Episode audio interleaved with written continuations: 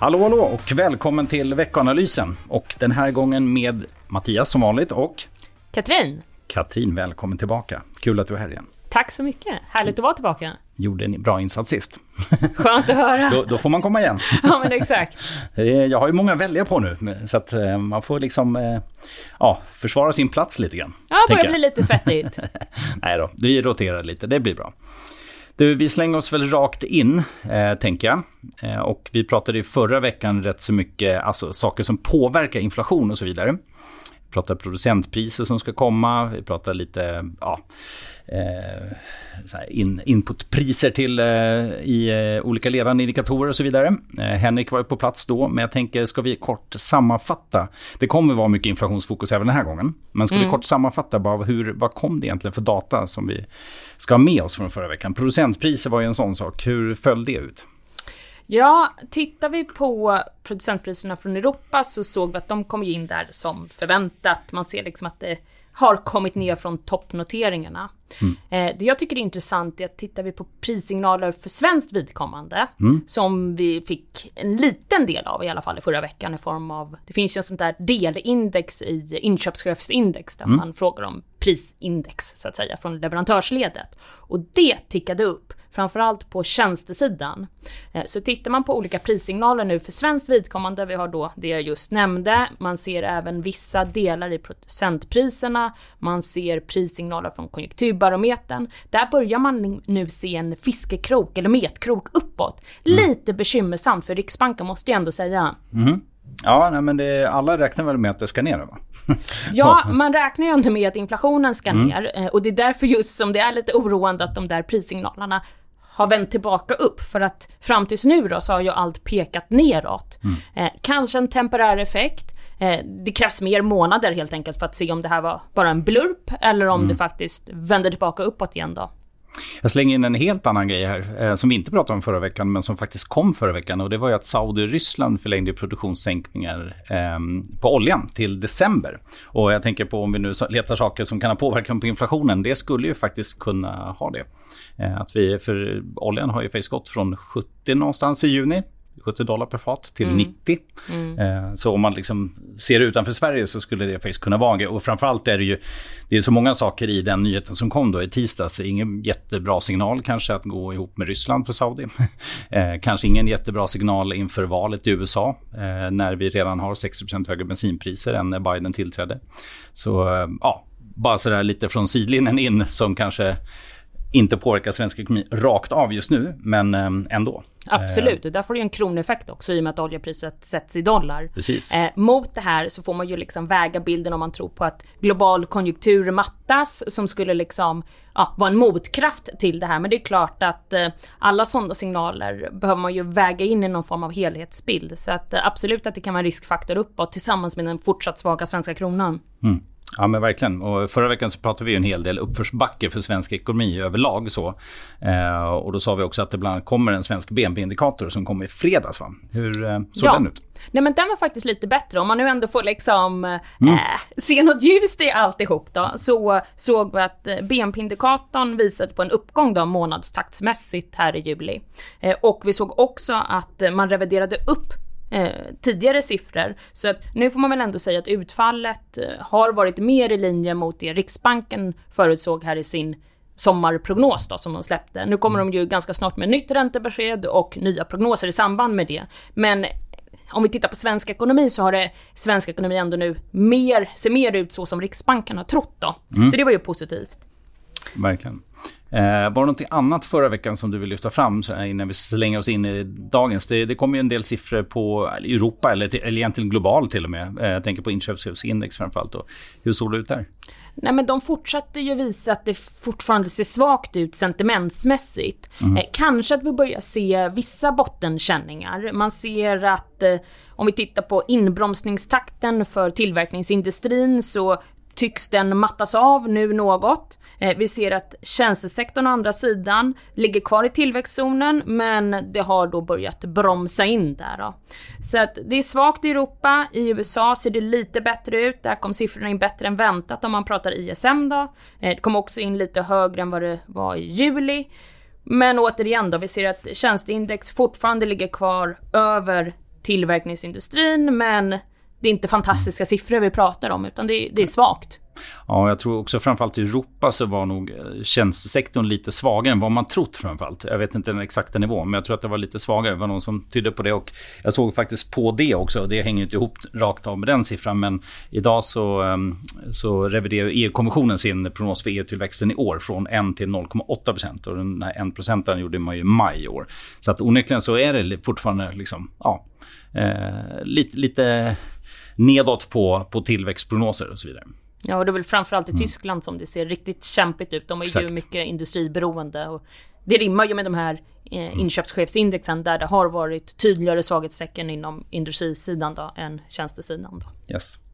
Du, en, en, sista grej bara innan vi slänger in oss i veckans eh, siffror. Clas Olsson-rapporten. Eh, vi brukar inte alltid prata enskilda aktier. Och det här är ju faktiskt inte heller ett bolag som vi har i, i rekommenderar på något sätt. Men ändå, det, det, är så tunt på rapporten nu så vi måste få in någonting på aktier. För den kom förra veckan och den var ju faktiskt tydligt bättre än väntat. Bättre bruttomarginal, bättre kostnadskontroll, fortsätter att öppna butiker. Um, ja, tycker att det ändå är lite roligt att ett sånt bolag som har starkt varumärke och som har jobbat mycket med sparprogram och som är liksom lite, vad ska man säga, en hybrid ändå med massa butiker kvar men som ser möjligheter på e-handeln men har det här stora hotet från Amazon och annat eh, och lite nackdelar med e-handelsbolag. Lite roligt ändå att det faktiskt eh, kan leverera. Så litet sidospår kan man säga från eh, en rapportsäsong som inte längre är. Nej men exakt. Men du, ehm, det viktigaste för börsen just nu då? Ganska mycket inflation och centralbanksfokus va? Så är det. Eh, man kan ju följa upp det du just sa, att bolagsmässigt så är det jätte jättetunt. Det, det handlar nu om makrot som kommer och då är mm. det precis som du säger. Det är centralbanker och det är inflation i fokus. Och på det temat så fick vi nu faktiskt eh, precis innan vi gick in i den här veckan eller nu i början här så fick vi lite hökaktiga signaler från Bank of Japan eh, som där man nu hade en Eh, exklusiv intervju med Bank of Japan-chefen som ja, gjorde lite liksom utbrodering kring både löner och inflationstryck och resonerade kring om det där är varaktigt. Och varför är det här intressant då? Ja, Bank of Japan är ju väldigt, väldigt mjuka och ligger ju efter alla andra centralbanker. Så att om något så var ju det här då ändå en viss signal att man Ja, om man bedömer att löner och inflation fortsätter uppåt så kan man eventuellt sluta med negativ ränta då, kanske under ja, nästa år eller någonting sånt. Då. Mm. Eh, och på det temat då, vad, vad som händer den här veckan, ja då har vi ju centralbanksmöte i Europa som kommer bli superintressant. Här kan marknaden faktiskt inte bestämma sig vad de tror på riktigt. Eh, ska man titta på marknadsprissättningen så är det en majoritet som tror att det är oförändrat. Det är ungefär 40% som ser att det blir en höjning nu i veckan. Eh, min bästa bedömning är att de kommer att höja nu i veckan, men det står verkligen och väger. Eh, och anledningen till att det står och väger är för att å ena sidan så är inflationen, inte minst kärninflationen, alltså när man tar bort sådana här slagiga komponenter, mm. fortfarande väldigt hög.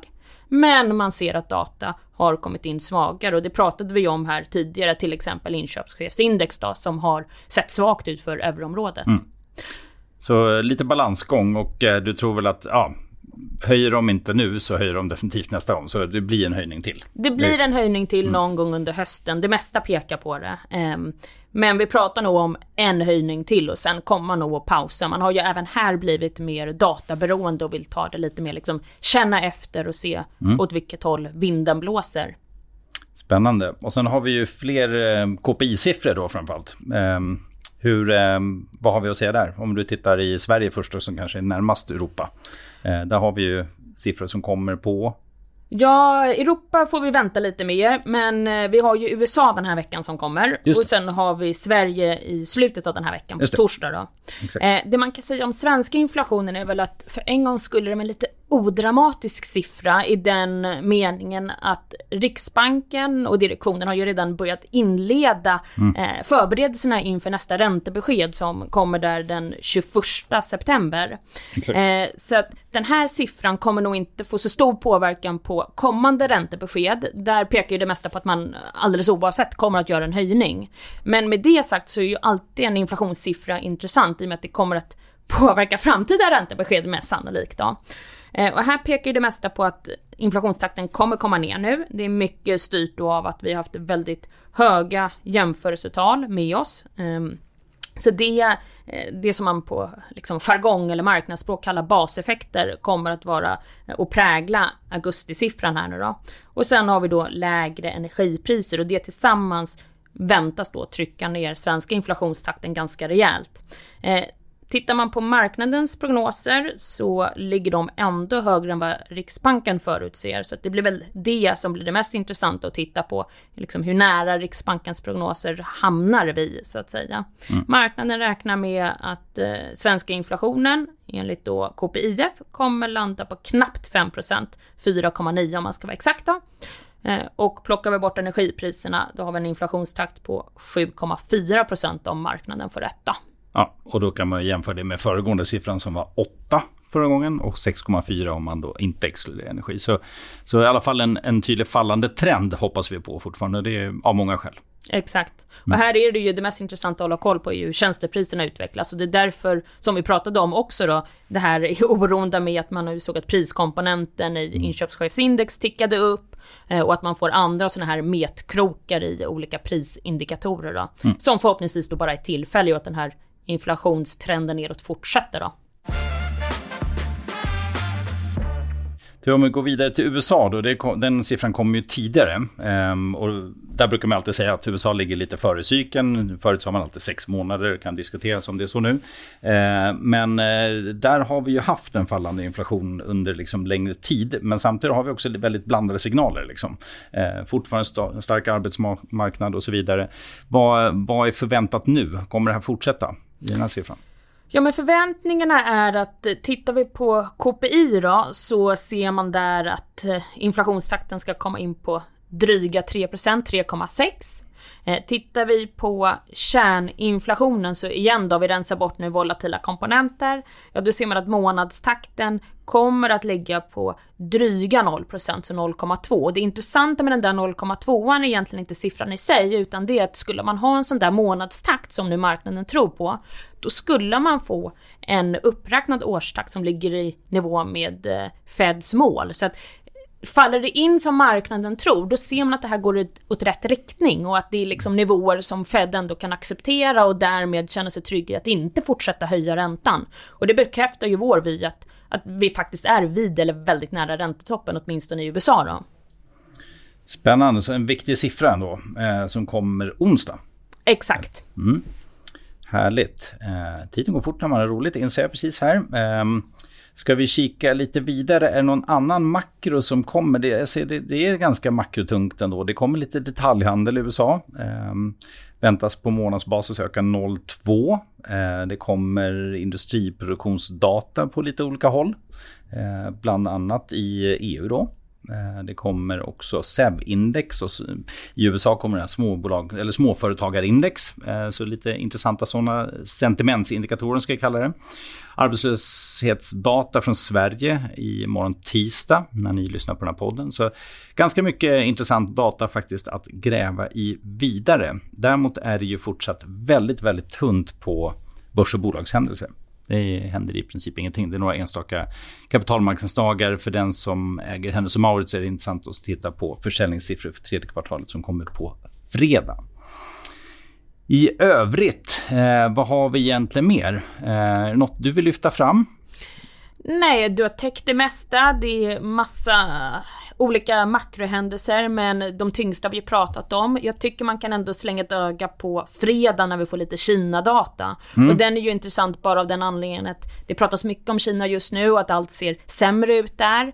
Eh, förväntningarna är ändå att det så att säga ska se lite bättre ut nu än vad det gjorde föregående månad. Mm. Eh, vi kan ju ta med oss där att man eh, så att säga fick inflationsdata igen då från Kina och nu var den tillbaka i positivt territorium om än så marginellt då. Mm. Man såg också att producentpriserna fortfarande svaga men mindre så än innan. Så att, det blir väl intressant att se liksom om fortsätter det besvärande i Kina eller mm. ser vi liksom en botten här och hur oroade ska vi vara? Och av den anledningen tycker jag att det är alltid bra att kika på fredagsdatan då.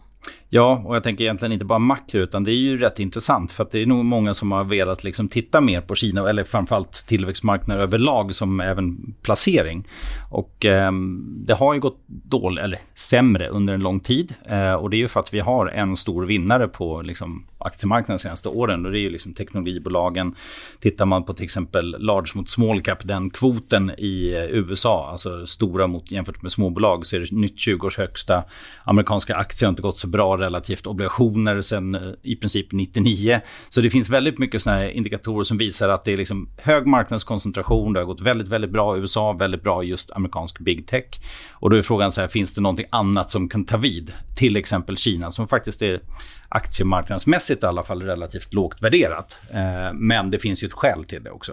Eh, vi tycker inte det. Vi är fortfarande överviktade eh, IT och eh, USA. Men ehm, det är ändå värt att, eh, att leta sådana andra delar, inte minst Norden då också som har gått betydligt svagare än många andra delar globalt. Eh, och där vi har väldigt många fina bolag och värdering, värderingen på vår marknad är klart lägre än vad det har sett ut under lång tid. Så mycket spännande. Eh, det tycker jag är viktigt i fokus på lite längre sikt. Om man tittar kort och sikt, bevaka fortsatt räntenivåerna. Amerikansk tvåårsränta nu över 5 mm. När tar det stopp?